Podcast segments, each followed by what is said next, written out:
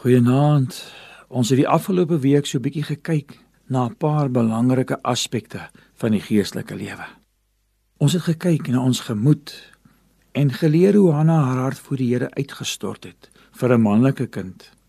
En sy het gebid tot sy haar hart vrede gekry het dat die Here haar smekinge gehoor het en ons het gelees haar aangesig was anders. Ons het ook saam met Dawid geleer waar hy gesê het o God ken my hart, ken my gedagtes. Die Here wil betrokke wees in ons lewe. Dis vir hom lekker om te weet ons wil alles wat in ons hart is met hom deel. Ons het hom die kans gee om ons gedagtes te vernuwe. Daarna het ons gekyk na Abraham se geloof en die toets daarvan. Hy was gehoorsaam aan God en hy het sy geliefde seun geoffer.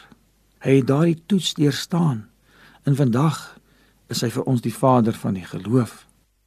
Daarna het ons die Here vertrou vir manne en vroue met rein hande en suiwer harte wat voor God sal staan.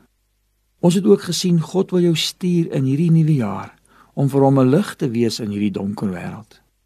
Die oes is ryp en die arbeiders is min en hy het ons geleer dat hy die bietjie wat hy het baie kan maak.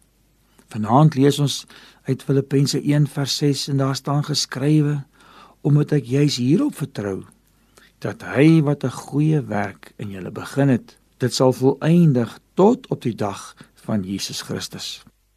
Vanaand wil ek jou bemoedig uit hierdie gedeelte. Die goeie werk wat hy begin het, sal hy volëindig.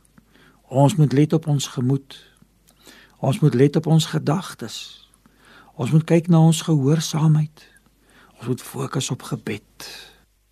Mag die Here in hierdie jaar die goeie werk wat hy in jou begin het volëindig tot op die dag. Moenie moed opgee nie. Volhard in die geloof. Bly naby aan die Here.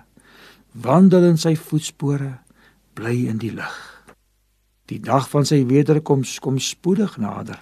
Dan is ons weer by 'n nuwe begin. Amen.